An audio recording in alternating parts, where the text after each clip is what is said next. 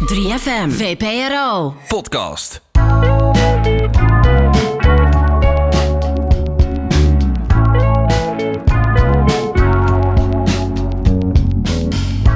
Dit is een podcast van VPRO 3 voor 12 en 3FM, waarin ik, Sagit Carter, in gesprek ga met jouw favoriete artiesten. Dit is Uncut Interviews. Hallo, Sagit hier. Met een eh, semi-nieuwe aflevering weer van Uncut Interviews with Sagit Carter. Deze week weer eentje uit het archief. Namelijk een interview met Stu van King Gizzard and the Lizard Wizard. En ik werd herinnerd aan dit interview. Omdat King Gizzard and the Lizard Wizard hun, hou je vast, 19e album hebben gereleased. En eh, twee jaar geleden sprak ik met Stu over hun 18e album, Butterfly 3000. Dat was een album dat ze hadden gemaakt tijdens eh, de lockdown. Het was een moeilijk album voor ze om te maken, maar uiteindelijk gewoon natuurlijk weer zoals je altijd van King Gizzard gewend bent. Ehm, een heerlijke psychedelische plaat waar je je compleet in kan verliezen. En ehm, ze stellen je gewoon nooit teleur. En zij laten ook gewoon zien, weet je wel, hoe je artiesten hebt die je soms gewoon jaren laten wachten op een nieuw album. Ehm, en daarbij ook eigenlijk dus soms een beetje laten zien van kwaliteit kost tijd. Laat King Gizzard eigenlijk ook zien dat het niet altijd het geval hoeft te zijn. Kwaliteit hoeft niet altijd heel veel tijd te kosten. Want King Gizzard geeft je dus gewoon bijna elk jaar een nieuw album en elk jaar is het weer raak. Dus uh, ik dacht, ik neem je eventjes mee naar 2021. Ik zei net twee jaar geleden, geloof ik. Maar het is dus een jaar geleden. 2021, toen ik Stu dus sprak van King Gizzard en The Lizard Wizard over hun 18e album Butterfly 3000. Do you still remember every record? I don't think I could remember the track listing of every record, but I think if you put it on, I would know it very intimately and Mm. remember where I recorded it, where I was, what I was thinking about, maybe have an anecdote. I feel like I could do that for every single song. It's it's weird.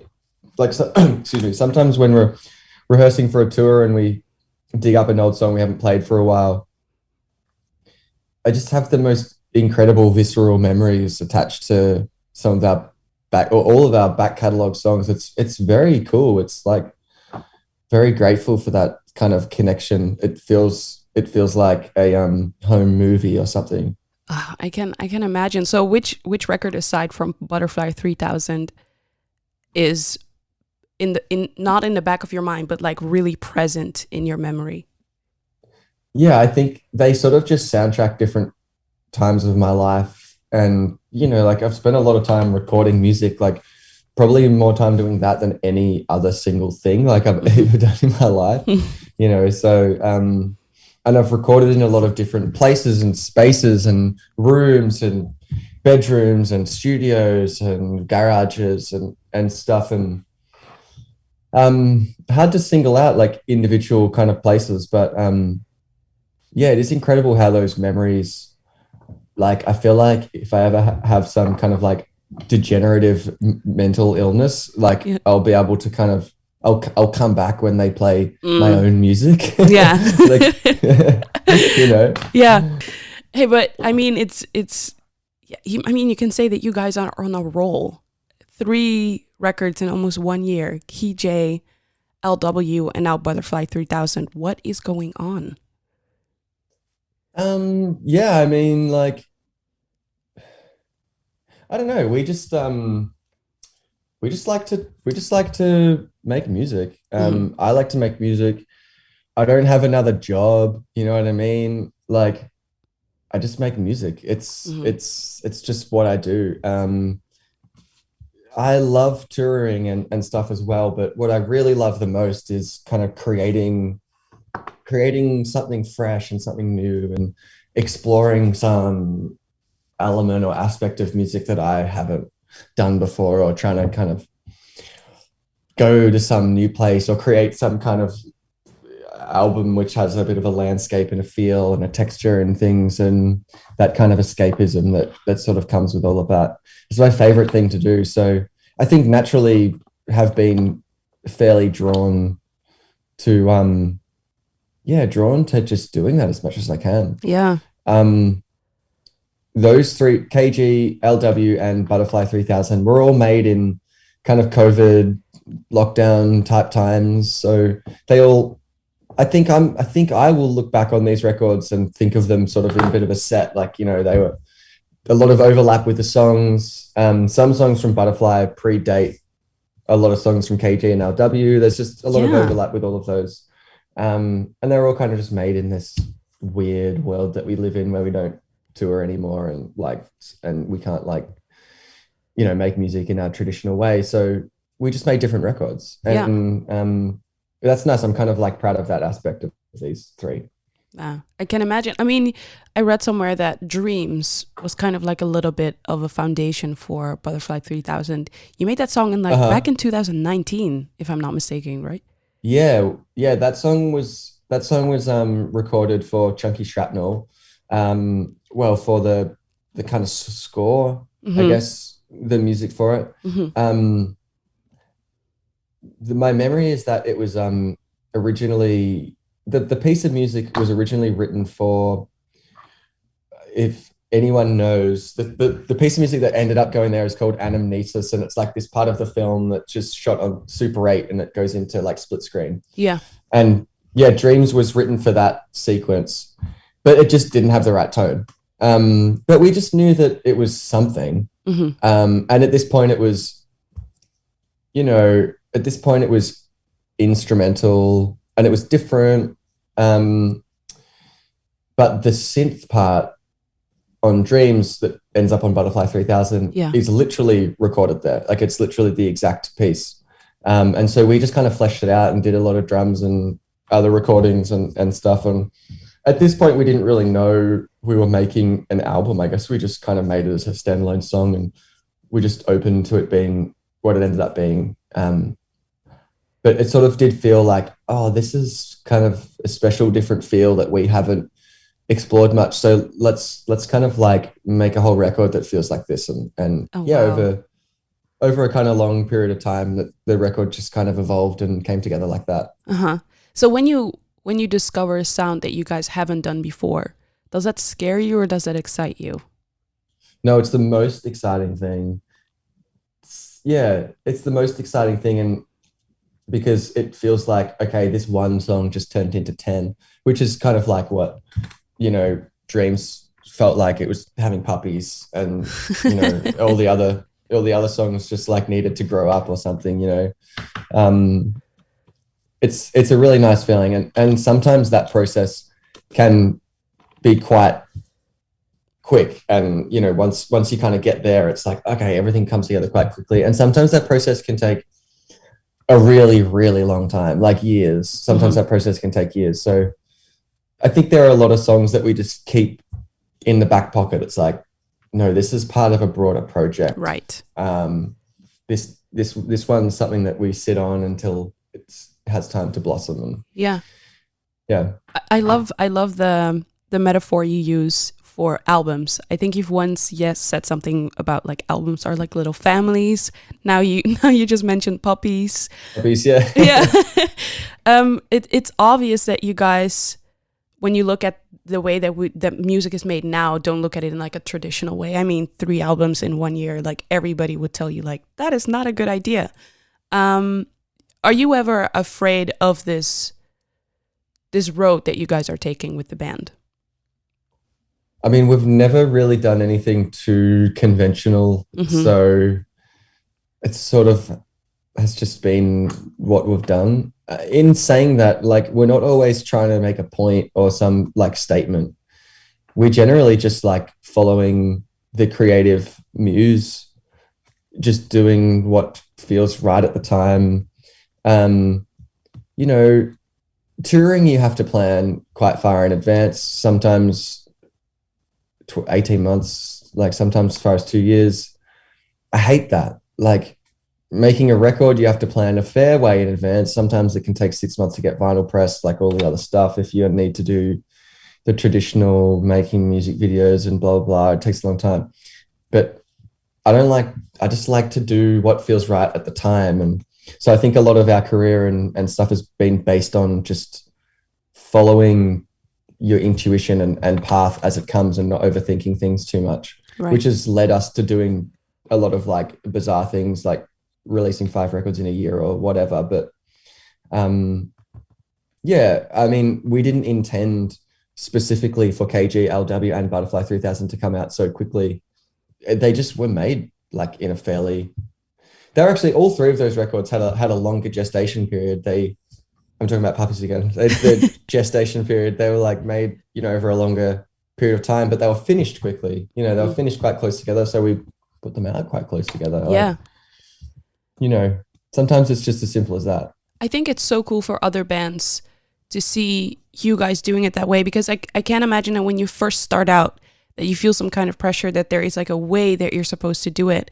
And then to see a band like King Gizzard and see that it's actually working for you guys um that is I think that's amazing. It's taken like a long time for me to be able to do all these things Mm. and to like truly truly not worry about like what anyone says. And also just you know it took us like we didn't we didn't tour outside of australia until we were on our like fifth or sixth record or something Mhm. you know so it's just like one foot in front of another and just you know slowly kind of doing one thing at a time and yeah. So and, when um, did yeah so- seeing how we go from there. Sorry so when did that change that you felt like you know what? I'm just gonna let it go. I think it's very j- gradual. I don't think i'm not sure if i've had like a moment like that. Mm. i mean and i've never i haven't it's not like i'm someone who worries what other people thinks too much. Mhm. um but i mean more just like in our sort of esoteric way of working i guess. Um i just i don't i don't really care if someone thinks like you shouldn't release a record without doing any singles. Like it's fine. Just Yeah. check it out. Yeah. Yeah. Then at the same time, I think he once said, just trust us. You might not understand where this is going right now, but trust me, it will all make sense in the long run. Yeah. Can you Yeah. tell me more about that plan? yeah i think like i think i'm i think i think what i'm trying to say is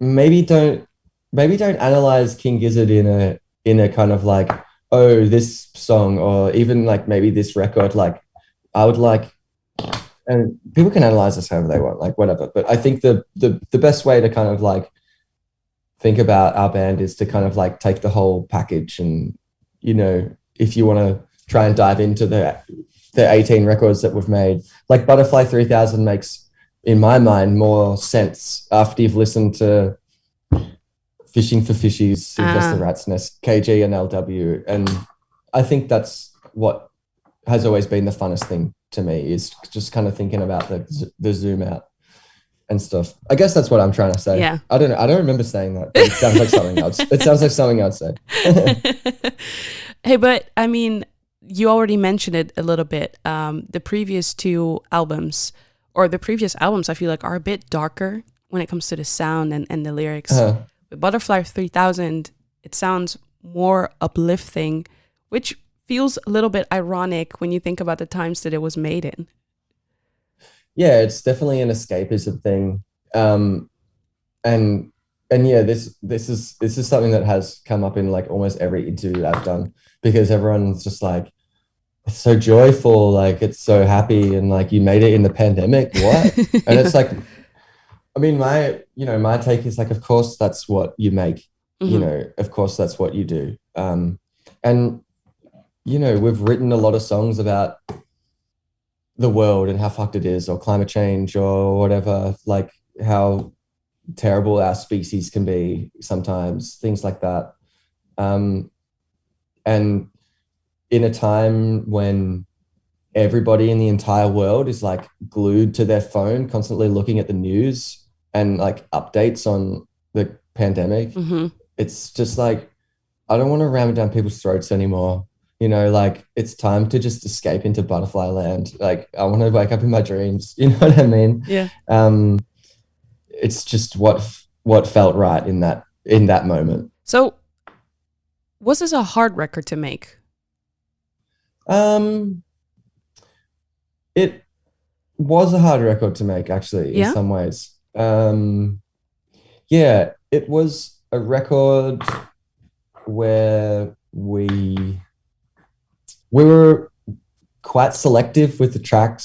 Um, it wasn't so. Sometimes we make records where it's like just make so many ideas Mhm. and so many like little ideas and demos and things and then you kind of choose the best ones and you figure out how they all fit together and it's like you know it comes together like that whereas this one was like very considered i think for a for a gizzard record Mhm. and i think it's because after the first couple of songs came together like dreams Ya Love black hot soup they were the first kind of three and shanghai as well. They were the first ones that came together and they maybe came together in a fr- free way at least in a rudimentary kind of phase. The a record started to have a feel and a and a vibe and it became important that every other song that we wrote hmm lived in that world. And so it meant in some ways we were restricted to like a certain feel or a certain sound, but it's because the record is meant to have like a landscape. Like you go into like this world and it's different. It's like some weird version of the future or something. Yeah. Um so yeah, it was a hard record to make and um it did feel hard harder to write songs than for other records. And maybe it's just because, yeah, like you mentioned before, we've made a lot of kind of like darker or moodier song or records leaning on, you know, scary sounds, dark textures and things. And and this one, yeah, this one did feel like we didn't want to do that at all. Mhm. Um and you know, like that was just a hard spell to Mhm. break, I think. Yeah. I think, I don't remember who it is, but there was an artist who said people really underestimate how hard it is to make happy songs because you have to stay in the happy space when you're making a song. And then he mentioned Pharrell. Yeah. He's like, sometimes I just think about Pharrell making happy. Like that must have been torturous to just be happy during Yeah. that recording process. Yeah, I mean, yeah, I, I haven't heard that quote, but I I can totally relate to that. Um, I think, yeah, I think um, it's it's funny like when I kind of look back on our discography and maybe I think about some of the musical tones, but also lyrical tones Mhm. throughout different periods of records. I think they they probably do relate a lot more to me or us personally than I realized at the time. Oh. You know, like you're talking about these broader themes of like, well, this is kind of like an anxious period, or this is kind of like there's a lot of like pain in these records, you know, or like this one feels happy and like I actually was in the writing process of this record, I actually was like in an incredibly excited and happy phase Mhm. um like um yeah i had a daughter seven months ago which was like kind of in the lead up to this record and just feeling very excited about that um about to have a baby when we are kind of writing this Mhm. i think it was just like it was a bizarrely nice time to Mhm. be in a pandemic just just to get nuclear is the word Yeah, just just to be together, just yeah yeah, yeah, it's isolated a little bit. Like you're in a cocoon Right. a little bit. yeah, it's it's not such a bad time to be isolated actually yeah, um bad bad in some ways actually as well but but you know in a lot of ways lovely and i think a lot of the joy from that record emanates from kind of that that feeling in that time so yeah. you know it it it's real Mhm, mhm. How did you? maybe pharrell was really happy when he wrote happy How did you feel at the end of recording Butterfly 3000? Um, I felt, yeah, I felt really happy about this one. Um, I remember thinking that it, that I will like look back on this time really fondly, um, and the making of this record really fondly, even though it was, like I said, it was challenging. It was creatively challenging. It wasn't as fun. Like I wouldn't use that word because it wasn't like your friends together in a room making music together. It was kind of like lonely sometimes um, and stuff. A lot of just late night laptop sessions, Mhm. that sort of thing. Um, but yeah, just I think just the the broader like headspace and and everything that I was in was just really lovely. Mhm. And yeah, just feeling really proud of this record, which is a nice feeling. And sometimes I don't sometimes I don't feel like that. Sometimes I'm like, this is weird. Like I need to sit with this a little bit longer. I think I don't know what is this. What is this? I don't know. But this one, I'm like, no, this. I think this is what it's supposed to be. This Yeah. time. Which song on the record surprises you that when you listen to it, you're like, wow, I can't believe we made that? Um. So there are a handful of songs Mhm. across our discography that I would say are like that, but not many. Mm. And I think it's because when I think about each song, I think about like all of the dead ends we went down. It was like we tried this section and it didn't work, and we cut that out, and we did this, and we recorded all these parts and we deleted it.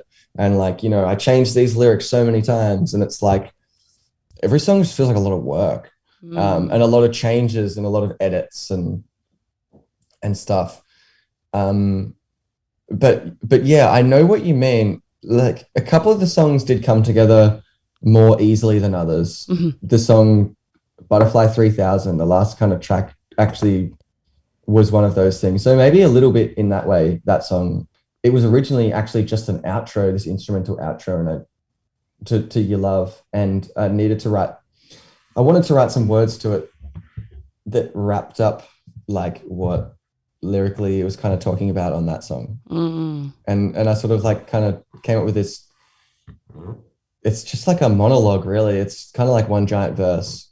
And it it's um it just kind of I know I know people who write songs say this sometimes and this doesn't actually happen to me all that often, but this actually just came out of nowhere and I just went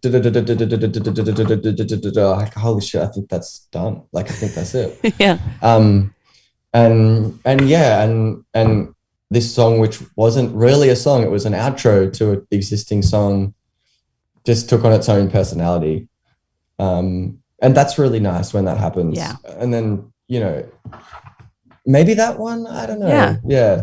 That feeling that Yeah. happens every so often that it just that you don't have to make any effort that it just comes. That's right. Yeah. That that was the one that and it was the last song that came together as well. It- It's the last song on the album. Last song that was finished. Mm.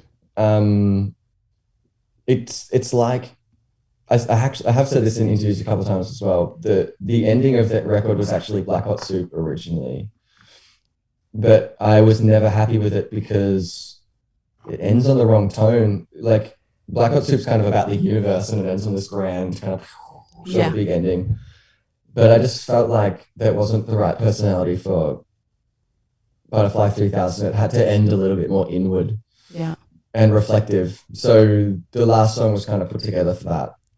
If the record could talk, what would it say? Ooh, um, a lot of this record is kind of about awakening or something, or like maybe sort of in a non-religious spiritual kind of way, just change and metamorphosis and an awakening or reawakening. Um, it, like probably would just say nice to meet you, good morning or something. I've just been I've just been born. I like that. yeah. Dat was mijn interview met Stu van King Gizzard en The Lizard Wizard. Ze hebben ondertussen dus nog een album uitgebracht, hun negentiende album, Omnium Gatherum. Die kan je overal streamen. En dus ook hun album eh, waar we net dit interview over hebben gehad, Butterfly 3000. Vergeet je niet te abonneren op de podcast om zo op de hoogte te blijven van alle interviews met jouw favoriete artiesten. Tot volgende week.